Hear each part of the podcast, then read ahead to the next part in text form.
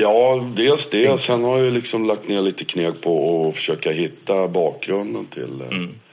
till visorna. Varför han skrev den. Och det, det som är kul egentligen, det har man ju märkt nu. Eh, farsan har ju varit död i 30 år liksom. Mm. Men, eh, jag vet inte hur det är med andra grabbar som, och deras fäder. Men man, det är svårt att lära känna sin farsa liksom, på något sätt. Men nu har jag liksom lärt känna honom. Välkommen till Rockdude 62 som den här gången gästas av Jack Vreeswijk. Det måste vara rätt speciellt att växa upp med en far eller mor som är folkkär musiker. Finns det påtryckningar om att man ska gå dennes fotspår i livet? Och vad händer när denne går bort relativt tidigt i sitt liv? Ja, frågorna är många. En sak kändes klar under vårt möte med Cornelis Vreeswijks son Jack. Att för honom har det varit rätt tufft under många år. Musiken har i och för sig alltid funnits där, men när den väl blev någonting annat än bara ett arv så skedde det egentligen mer eller mindre via slumpens kraft. Sedan tio år tillbaka har han känt sig redo för att arbeta med arvet från sin far. Både via film och nu under sommaren och hösten 2017 har han varit ute och turnerat.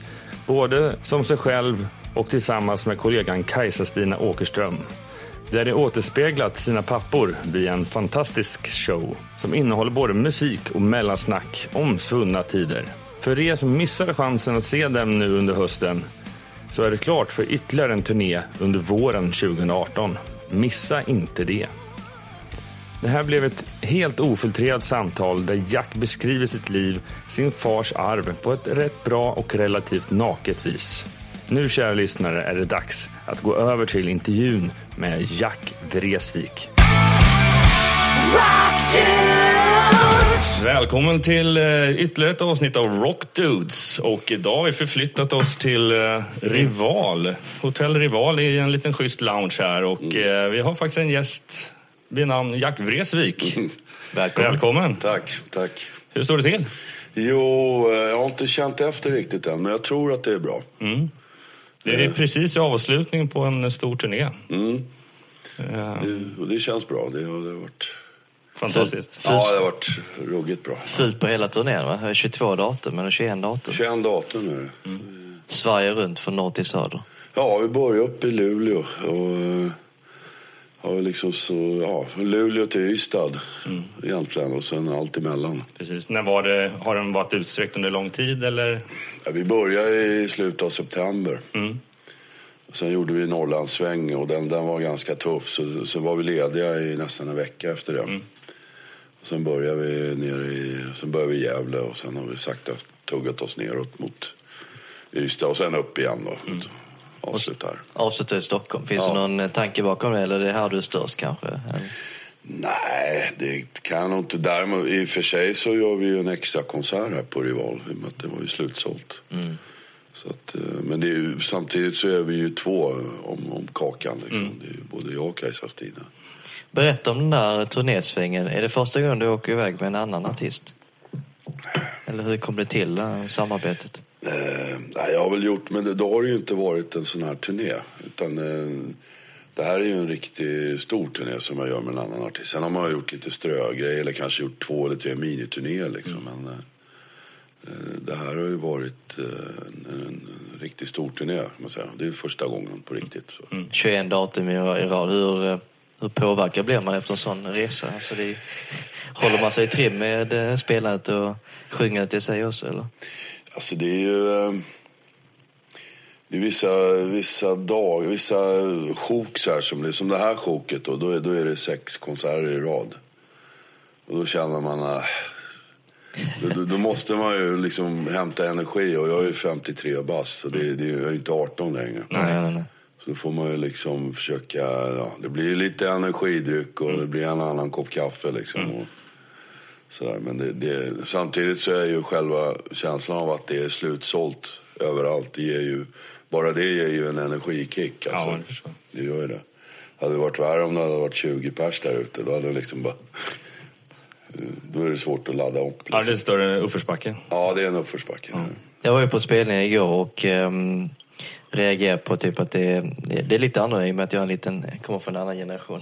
Mm. Det, det, är två akter, dels det, men sen handlar själva turnén också utav musik ser ni i sig eh, om era förfäder lite grann kan man ju säga. Era ja. pappor framförallt. Ja, det är farsan eller våra fäder. Och att, eh, jag skulle inte vilja påstå att det kanske är ett jubileum, men bägge era pappor någorlunda samma ålder, jag för mig, 80? Ja, de, blev ju, de hade ju fyllt 80, tror jag. Farsan han skulle ha fyllt 80 nu om eh, någon vecka, typ. Ja, ja. Mm. Uh, och Fred hade väl varit 80 också idag, men han dog ju två år innan ja. farsan. Han dog 85. Mm. Hur påverkad blir man av sån grej när man står där på scen och ska spela pappas musik Nej, det, samtidigt? Har, det har gått så lång tid så att man har ju liksom... Eh, man får, det är ju 30 år sedan han pinnade vidare så man har ju fått en, en, en ganska sund eh, distans liksom mm. till honom. Och nu... Eh, sådana här grejer skulle jag aldrig ha gjort för tio år sedan. Men nu känner man både att jag och Kajsa-Stina har liksom fått våra egna karriärer dit vi ska liksom på något sätt. Och då, då, känns, det, då, då, då känns det helt okej att göra en sån här mm. Hyllning eller, vad man, eller en hommage eller en hälsning eller vad man nu vill. Liksom. Mm. Mellansnacket mellan låtarna är ju fantastiskt och sen märker man typ att ni kör dels tre låtar vardera och sen mm. en liten paus och sen respektive och sen sitter ni ena och kollar in andra och sen kör ni duett också. Så att ja. Det är verkligen så bra planlagt. Publiken gillar det. Mm. Men det som tar, tog mig till ett större intresse var ju framförallt typ mellanpratet i sig för att alla anekdoter, alla mm. personliga minnen, det är ju det som gör det och sen kommer själva melodin och mm. musiken. Um, alltså tanken bakom det, vems idé var det att turnera ihop då? Så att vi pratade lite löst, fan det vore en kul grej att göra så här tillsammans. Nej, vi, vi, vi, har fått frågan i, oh, så länge jag kan minnas egentligen så har ju folk velat parat ihop oss liksom mm. med en slags turné. Och, jag vi har liksom varit konsekventa och sagt nej, vi, vi väntar lite. Och det är det som jag sa förut att man vill ju på något sätt få, få liksom lite styrfart på sin egen karriär, liksom, mm. på det man gör själv. Och känner man sig trygg och, och hemma där så då, då, då, känner, då, då har vi sagt att och det, det, det gör vi nu. Vi känner väl att vi Ja, för när man pratar lite kort om eh, karriären så har ju du varit en så kallad late bloomer. Eh, din karriär har ju startat ganska sent om man säger till Ja, ja visst. visst det... Men har du alltid haft musiken med dig så att säga?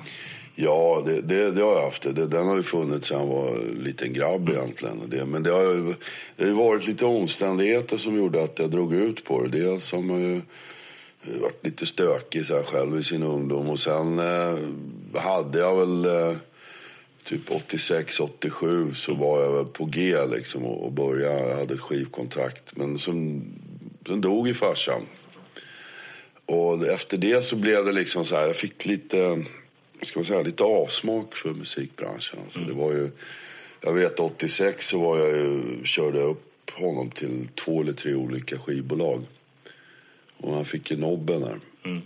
Det var ju liksom dels, dels hans eget fel, han har ju varit strulig. Va? Men sen också mycket att ah, han ligger inte rätt i tiden. Liksom. Visknutte, du vet mm. sådär. Sen går han och dör ett år senare. Då, liksom, då står folk i kö för att ge ut hans skivor. Liksom. Och då kände jag att ja, nej, det där är inget för mig. Liksom. Avsmak, ja. Så då, då fick jag lite, och då drog jag ju, då drog jag liksom åstaden ett halvår och sånt där. Men du höll på med musik medan din pappa var fortfarande i livet? Eller? Ja, det gjorde Hur, eh, vad, vad tyckte din far om det då? Ja, jag blandade inte in honom så mycket i det. Jag ville liksom hålla honom liksom, eh, separ, separerad från det där. Vi gjorde kanske någon grej ihop, men då gjorde vi på en festival uppe i Färöarna. Liksom, Aha, ja. sån här, riktig kulturfestival. Det var liksom ingen svensk media eller annan media. Utan det var bara vi, vi gjorde en kul grej utav det. Så det, och det var vi nog överens om att vi ville liksom separera de där grejerna. Liksom. Musikaliskt också från din sida i och med att du ville inte riktigt vara i pappas fotboll. Kände att du ville vara helt ifrån visknuttehållet till, ja. till något, någon annan genre kanske? Ja, jo men det var ju så. Det var ju, jag var ju, jag spelade ju garageband liksom, punkbanden och sådär. Och sen blir det ju, det har jag märkt på flera av mina kollegor så här, som typ Stefan Sundström och Johan Johansson. Mm. De har ju gått från garageband, punktid till Mogna in i visgänget. Ja. Kommit tillbaka, den cirkeln är lite sluten. Ja, det, det blir det. Alltså. Det märker man liksom. Det, Svårt att sparka bort rötterna någonstans också kanske? Ja, de sitter ju där de sitter. Liksom. Men hur har det innerst inne känt att ta över arvet just i och med att eller hur svårt har det varit, för, vi kan ta det så här istället, att, eh, hur svårt har det varit för dig att eh, spika upp, eller utsaga din egen karriär så att säga, som Jack Vreeswijk och inte din pappa? Ja, det, är, det, är en, det är frågan om, om uh, storleken på skuggan va, som, som, mm. uh, som, som sitter där. Det, det, den, man, måste ju, man blir aldrig av med hans skugga, men man får ju liksom krympa den till en ganska behaglig nivå på något yeah. sätt.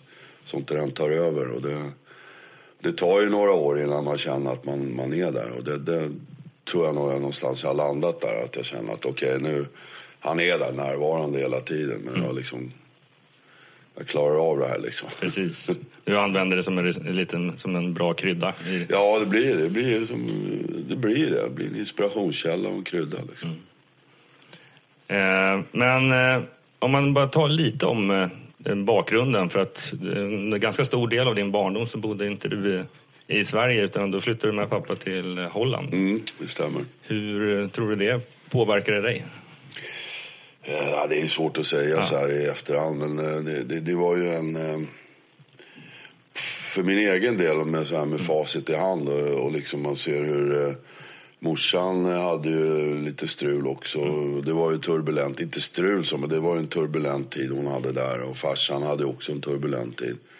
Så jag hade ju faktiskt, eh, vi bodde i en kuststad med en av eh, Europas snö, snyggaste stränder. Och, menar, mm. och det var lugnt och det var stilla och det var tryggt. Och jag hade en stor familj. Jag hade fastrar och kusiner och farmödrar och allt allsköns. Liksom, mm. så att, är det bara, är det bara din pappa eh, som flyttade ifrån det här så att säga? Eller finns det flera som hade flyttat till Sverige eller var han ensam?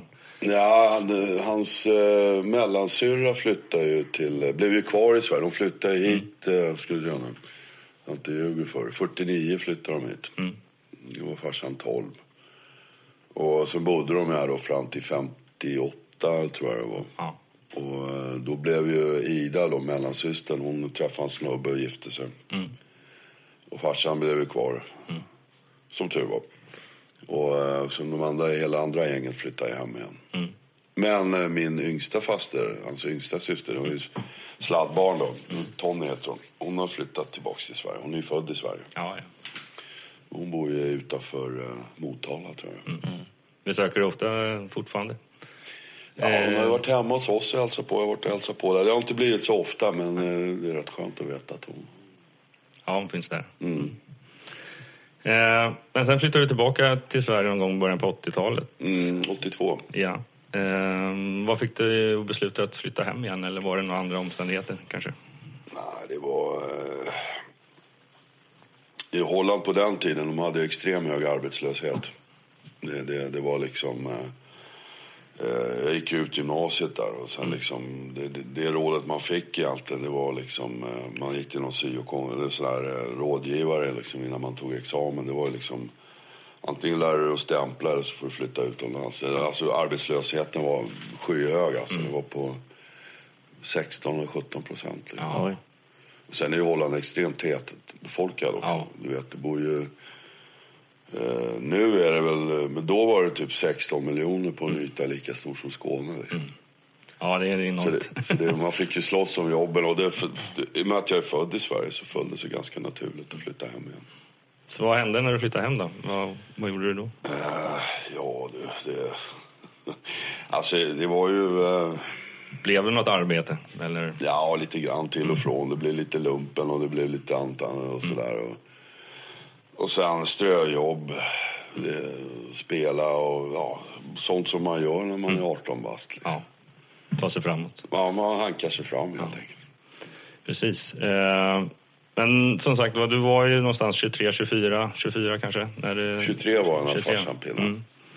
Eh, var var du någonstans i, i livet? Du sa att du har i princip fått ett skivkontrakt som du skulle gå vidare med. Sen av omständigheter så ja. struntar du i det. Mm. Men eh, vad, ja, vilken typ av musik var det du skulle ha gjort då, så att säga, om du hade släppt det? Nu, fan, jag kommer, alltså, det, det hade ju ett band då. Liksom. Mm. Vi spelade ju... Det var det här garagemusiken kanske? Ja, lite garage musik naturligtvis med liksom lite kommersiell inriktning. Jag, jag ska vara riktigt ärlig så, så har jag liksom... jag kanske har förträngt det där Ja, lite grann. det är ingenting som finns någonstans. Nej, jag, har- jag har inte ens någon, någon demo. Jag tror jag har en gammal kassett så här, som går i dubbla hastighet som jag spelar in på någon Fostex eller någon där. På, på svenska då eller? Nej, det var ju faktiskt på engelska. Men du sjöng du och spelade gitarr eller? det? Ja, jag sjöng... Ja, vi delar på det. var jag och en snubbe till vi delar på. Ja, nej, det, det, jag begravt det där lite grann. Ja. ja, du, Men vi fick kontrakt alltså. ändå. Ni fick det, ja. på Elektra. Det är ju inget litet skivbolag direkt. Nej, det är var ganska ganska stort. Då måste det ha funnits talanger redan från början. Då. Ja, det, det, något, något fanns det väl antar jag. Det, men sen som du sa då så var det ett ganska långt uppehåll för att du var trött på musikbranschen. Vad, vad, alltså, vad gjorde du under li, livet? För det var ändå rätt många Ja, år. det, det är en sån här, eh, den här perioden är ju väldigt stökig alltså. Det, det, det ska jag inte säga något annat om. Jag levde ju periodvis ensam i Stockholm. Och lever man som ungkarl i Stockholm så, så blir det rätt, det blir rätt stökigt alltså. Så det var ju mycket, ja, det var jobba, supa, jobba, supa liksom i princip. Det var en, en stor fest i flera Ja, det var det. Det var en, en, eh, sju år lång... Ja. Vad blev, vad blev vändningen? För någonstans där i ja, mitten, 94 var det va? Ja, Som det- 94. Ja, men det, det var nog... eh, Det var en ren slump egentligen. Jag, skulle, jag och en polare, jag bodde i Vanadislund då. Så skulle vi gå ut och ja, festa och sen eh, sprang vi in på ett ställe som... Eh, de inte hette Getinge eller något sånt där. På vid Hötorget där. De hade billig öl. Mhm. De hade så happy hour fram till klockan nio, 16 spänn bira. Så vi slank in där och då satt eh, sån här vissällskapet där. Eh, så här, de kände igen mig, vi började prata. Så lurade de med mig på turné. Mhm. Visste Vad så, det, vad så det var? Ja, det var så det Var det började. tack vare dem då med andra ord? Ja, det är tack vare att jag ville, att jag ville ha bil, billig bärs liksom. Ja. var det den lönen du fick under Ja. turnén eller? Fick med vad du efterfrågade. Så eh, musikaliska karriären är tillbaka. Vad sa du? Den musikaliska karriären är tillbaka tack vare bärsen. Ja, tack vare billig öl liksom. Mm. Mer eller mindre. Och var på rätt ställe vid rätt tillfälle. Ja, så är det ju oftast. Ursäkta kära lyssnare, normalt sett presenterar vi här en sponsor. Men den här gången vill vi bara ge er en uppmaning. Och det är Musikhjälpen som direkt sänds via Sveriges Radio och SVT Play mellan den 11 till 17 december. Årets ämne är Barn är inte till salu. Det finns många sätt att engagera sig. Allt ifrån digital sparbössa till att önska en låt. Eller skapa ett helt eget engagemang där pengarna skänks till Musikhjälpen. All information finner du på musikhjälpen.se. Tack kära lyssnare för ditt tålamod.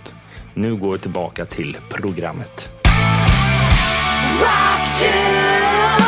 Men efter den där turnén så kom funderingarna upp och eh, skri- eller släppa en platta under den turnén så att säga. Ja, då, blev, då började jag spela in demos och skicka runt. Men gjorde du det på helt egen hand eller hade du någon... Ja, jag fick hjälp av en snubbe som eh, även var producent på första skivan. Han heter Ronald Bod. Vi spelade in och sen eh, åkte vi runt. Och, och sen, eh, ja, sen fick vi på Sonett för ett skivkontrakt där. Sen, är det, ja, sen, har, sen har det bara ångat på liksom.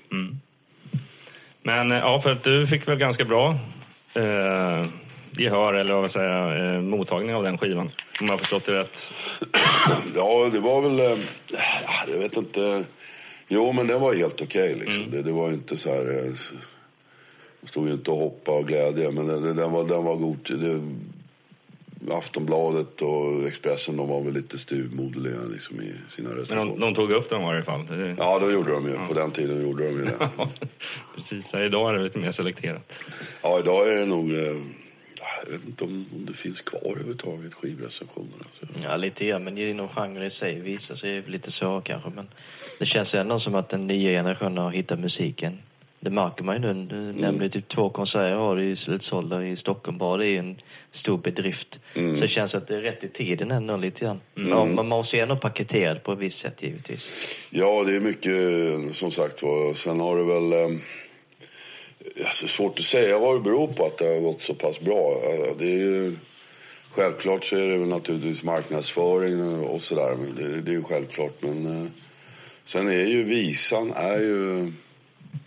Den har ansetts vara lite mossig och kanske vissa tyckt att den har varit stendöd. Men det, den är ju inte det. Den finns ju liksom. Om man åker man ut på landet så finns den ju där. Liksom. Ja, precis. När man läser om dig eh, i andra intervjuer och det grejer du själv har skrivit så är det ju lite... Det har ju ändå funnits ett stort hjärta. Till exempel som du nämner mycket Västervik, i Västervik då, med visfestivalen. Ja, där, mm. där har det ändå varit ett bevis för att visan har överlevt, i alla fall i, i den kretsen så att säga, av de mm. som besöker det stället. Mm. Um, men eh, sen tycker jag det är lite häftigt just med visan i sig. Det är klart att alla som skriver musik och som har någon text ska förmedla något budskap eller bara mm. någonting. Men visan är mer som en, precis som ni pratade om förut, hur er konsert är. Att ni mm. har mellansnack. Och mm. Det är en berätt man ger sig in på att göra någon berättelse nästan. lite mer. Ja, det är det. Visan är ju från början ett sätt att berätta. Liksom. Mm. Poesi ju... med musik någonstans. Vad sa du? Eller, man kan ju säga det som en poesi eller berättare som ja. tonsätts. Från början var det också ett sätt då eh, folk som, eh, jag menar, man går till medeltiden folk som inte kunde läsa eller skriva så var ju visan ja, också ett sätt att, att, att eh, förmedla en berättelse eller ett politiskt budskap ja. eller något sånt där. Så det, den är ju så rotad. Va? Ja. Så det, det, eh, och det, just med den här turnén att, att vi har valt att, eller jag gör ju alltid det egentligen om jag ska tolka farsans grejer så, så måste jag ju berätta varför jag gör det. Mm. Och liksom hur han kom på tanken att göra just den låten och mm. varför han gjorde det och vem det handlar om. För annars, annars så blir det ju liksom att jag bara står och rapar upp hans låtar. Då blir det ju en covervarning liksom. Precis. Men, har du lagt ner mycket jobb på det för att, eh, för att egentligen lägga in din Ja, dels det. Sen har jag liksom lagt ner lite kneg på att försöka hitta bakgrunden till, eh, mm. till visorna, varför han skrev den. Och det, det som är kul egentligen, det har man ju märkt nu. Eh, farsan har ju varit död i 30 år liksom. Mm. Men jag vet inte hur det är med andra grabbar som, och deras fäder. Men man, det är svårt att lära känna sin farsa liksom, på något sätt. Men nu har jag liksom lärt känna honom ja, i vissa bättre fall så än han var i livet. Liksom. Ja, I vissa fall så blir det så att man gör det efter mm. de har gått vidare. Så att säga. Och just med att prata med släktingar och nära vänner. Och sen, som sagt, det kommer ju alltid fram någon mm. efter en spelning som har någon story att berätta. Mm. Liksom. Och nu har det gått så lång tid så nu har man någonstans i bakhuvudet, ja men det där kan nog stämma. Det där, ja, men det där det, det, det där stämmer inte. inte liksom, så här. Ja, för det är ganska mycket stories ändå som är osanna som man har hört via förbifarten eller via ja. tredje källor och sånt där. Mm. Det är svårt att liksom tyda på men... Men det är, myt, det är mytbildningen rent generellt. Det blir ja. lite så mm. när, men när det, jag, sprids mun till mun. Ja, men jag tycker det är trevligt med lite mm. mytbildning. Det, det är liksom ett tecken på att, de, att han är älskad. Liksom. Ja, visst. Det är liksom, Sen får man ju sålla. Man får ju liksom, ja men det där, det där vet jag att det inte är sant. För då var han där eller där eller där. Liksom. Ja, det var lite som igår. Jag kommer ihåg det när du nämnde någonting. Det är till en av låtarna. Pappa och hans vän åkte till Rio de Janeiro. Men det mm. stämde egentligen inte riktigt med helheten. För att just inom den perioden så var de faktiskt hemma. Ja, ja visst. Jo, men det, det är ju så. Och det, man får ju liksom... Det, det är ju det man har liksom. Man har ju koll på det, om man säger så. Mm. Och sen märker man att, ja men det där, då, då kan man ju kolla upp det liksom. Men, så, men du får reda på ny fakta fortfarande? Ja, eller? visst. Jag får mm. reda på grejer hela tiden. Mm. Ja, I och med att han var ute och spelade så otroligt mycket. Ja, han var ju ute. Alltså, det är ju helt sjukt hur mycket han var ute och spelade. Egentligen, speciellt sista åren. Liksom. Mm. Sen har man ju liksom fått lära sig att han, eh, han var ju mycket uppe i Tromsö i Norge, mm. Nordnorge. Där hade han ju en flickvän. hade inte en aning om. Nej, till och med det. Så det är... Men har, har, du fått reda på de här, en del av de här grejerna på den här turnén? Nya människor som dyker upp. Jag kände din far och så. Något speciellt minne som du... Nej, inte just den här turnén. Där, där har det liksom... Där är något, folk har väl berättat att ja, han var väl... Eh, han var hälsade på oss 1967 när vi mm. bodde där och där. Och då, mm satt han i köket och spelade för oss. Och det, mm. ja, undrar jag, för det, det, vet jag att han var inte så jättepigg på att göra, hålla göra fram gitarren grejer. i tid och otid. Nej. Så det är klart att de har en minnesbild som kanske har ja, förändrats inom 50 år. Ja, liksom. exakt. Mm. Det, det, var någonting, de hälsade egentligen. Men sen ja, så eller de kanske på... bara såg honom svischa förbi. Men jag tycker det är charmigt. Jag, jag gillar det. Jag tycker det, det, det är liksom en del av hans... Det är någon slags kärleksförklaring antar jag. Liksom. Din, din pappas eh, musikaliska arv, eh, förvaltar du det vidare på något sätt?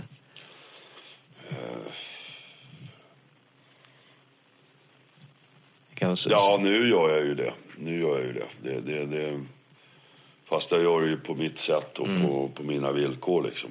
Mm, såklart.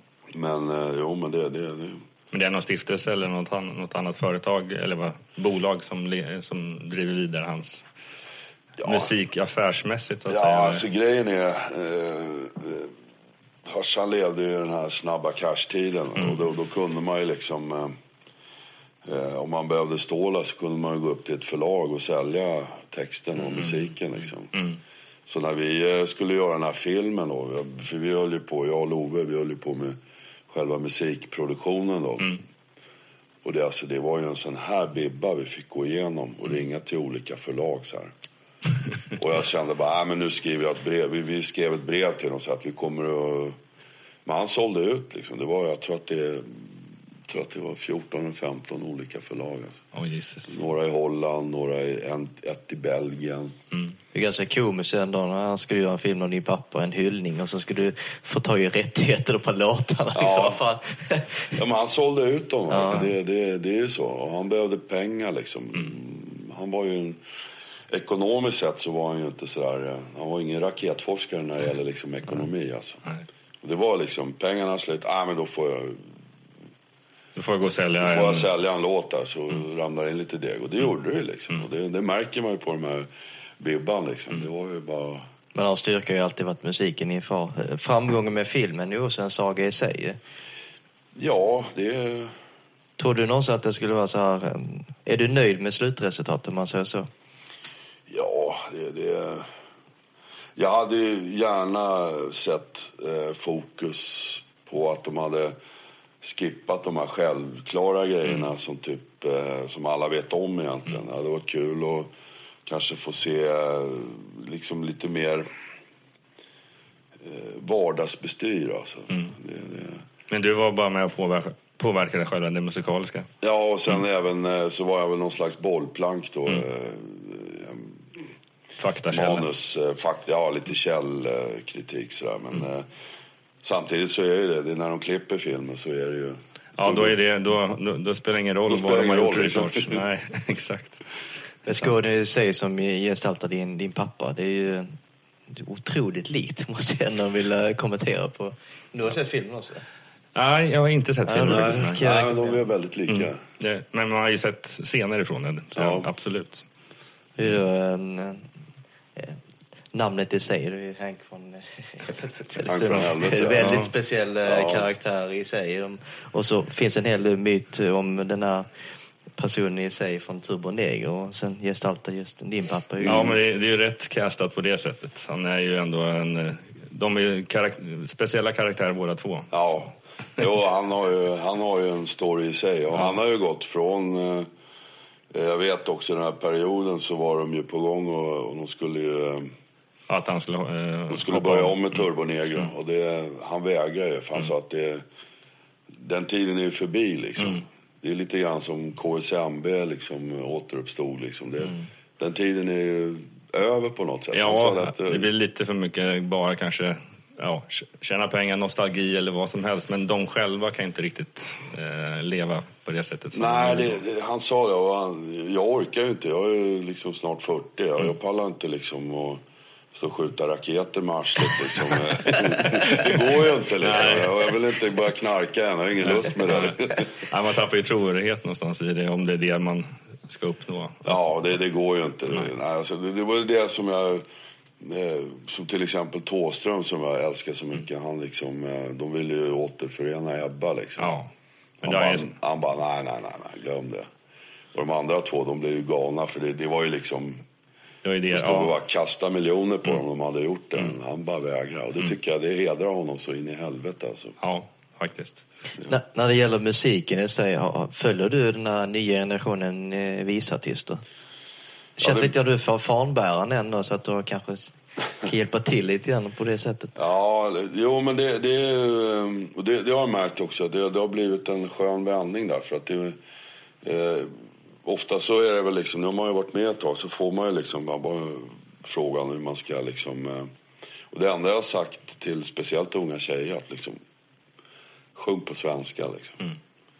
Det, den här tiden, och det, och det, märker man mer och mer. Det är många unga tjejer. För det har ju varit lite jidder om det på festivalen i Västervik var det för tio år sedan. Att det var lite obalans då mellan mm. killar och tjejer på festivalen. Men då var ju han som var vicegeneral där, han sa det.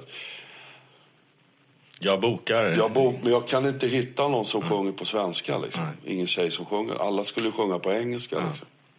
Men nu har det vänt lite grann. Det märks på Visfestivalen. För nu mm. är det liksom 50-50 liksom. Mm. Ja, det är väldigt bra. Ja, det är skitbra. Vi pratar lite om Love.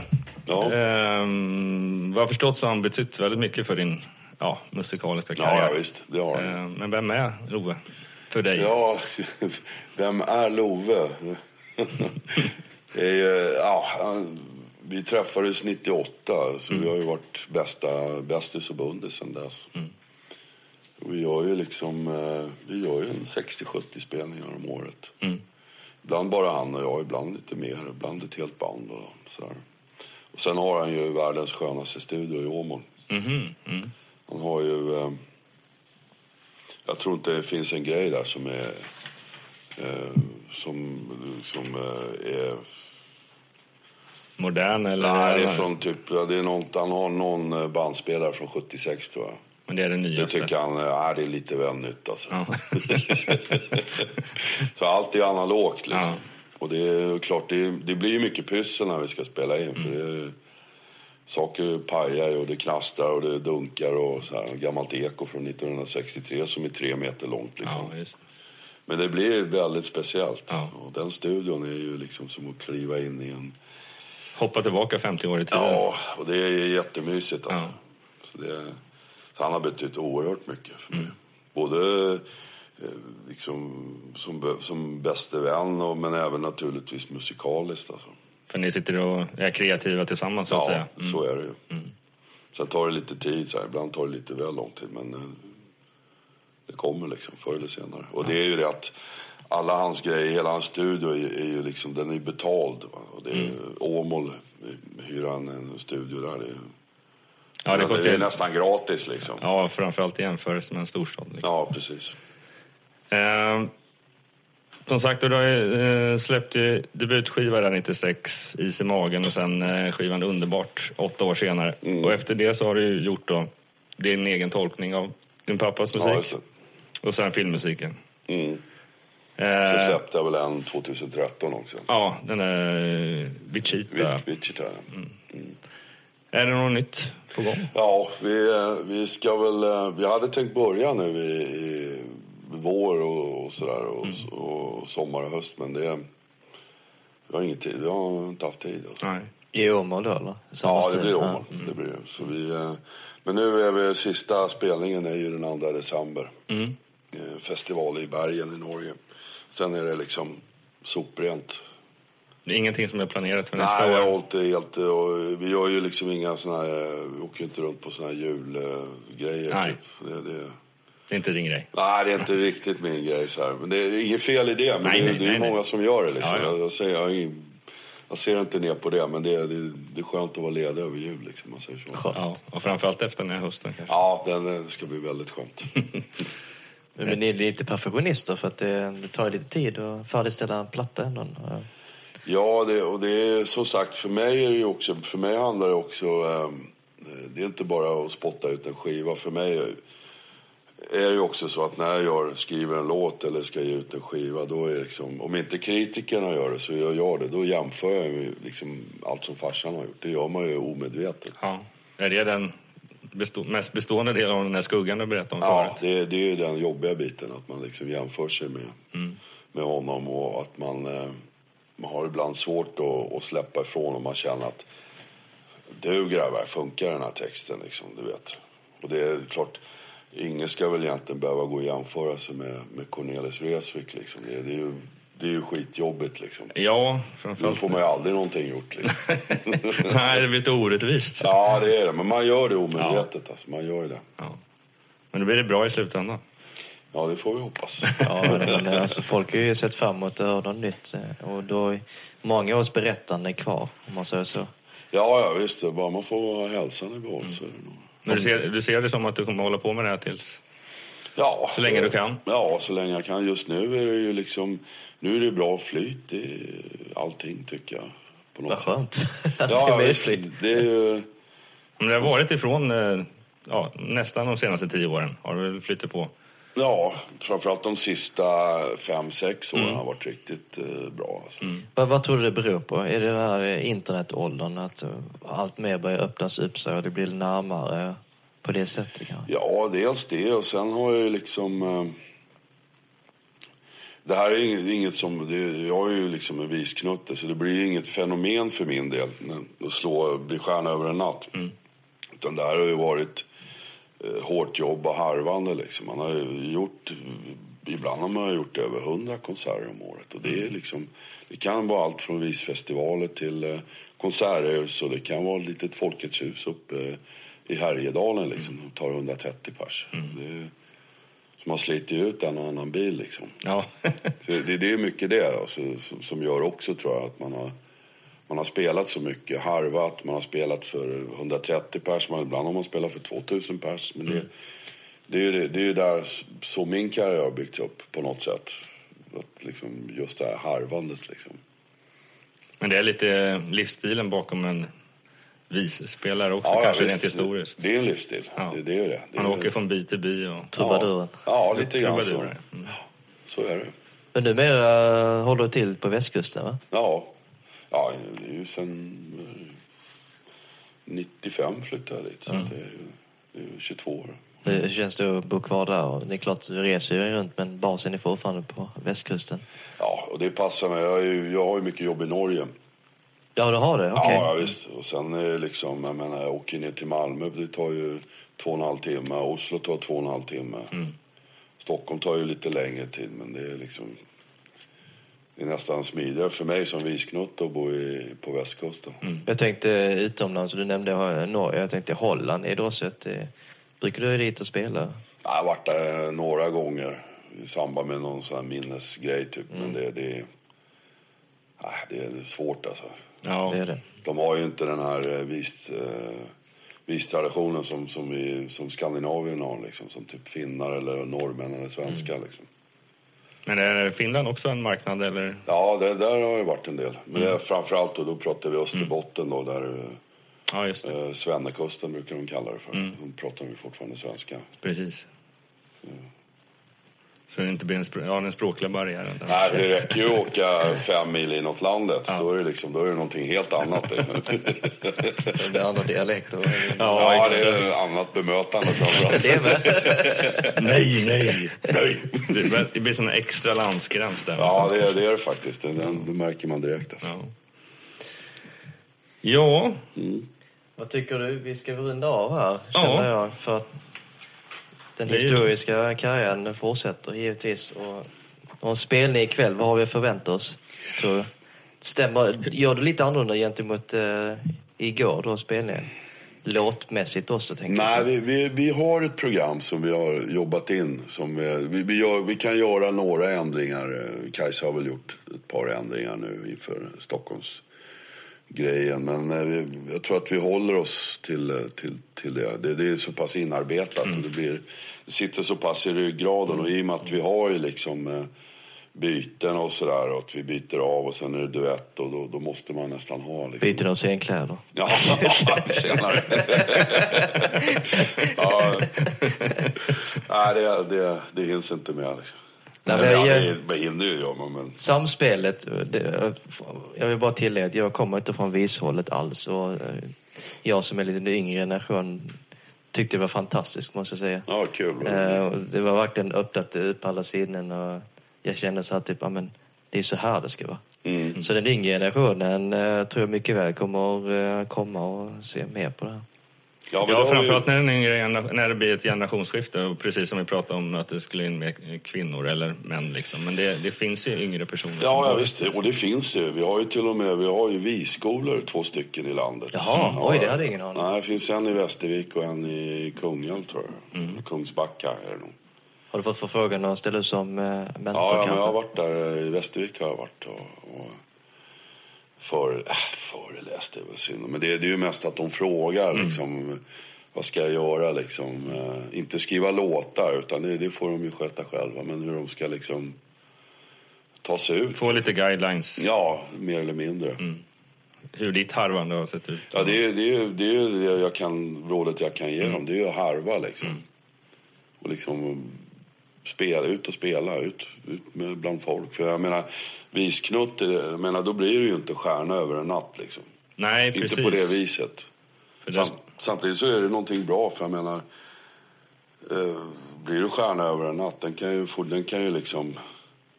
precis. Tänk på idolgrejerna där Ja. lite grann. Det alltså, det är inte nyttigt alltså.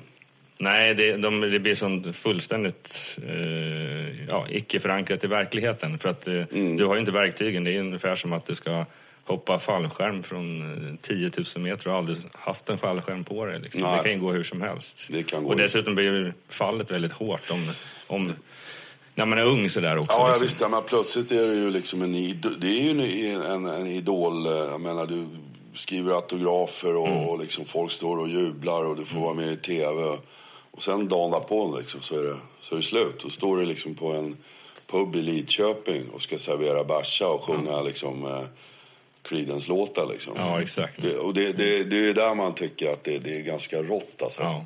Ja, det går säkert lite bättre för de som är något äldre i alla fall. I alla fall 20 plus. Ja, sen är det inte många som pinnar vidare, men det är ju några som typ Darin och Amanda Jensen är en höjdare. Liksom. Hon har ju pinnat vid, hon har ju liksom en karriär, hyggligt i alla fall. Ja, det gäller ju att de vet vad de vill redan när man ger sig in i cirkusen nästan. Ja, att det ska faktiskt, bli bra. faktiskt. Annars mår det flyt. Men det är jätteintressant och jättekul att få träffa dig. Ja, Tack så hemskt mycket. Det var skitkul. Kanon. Tack, tack. Tack.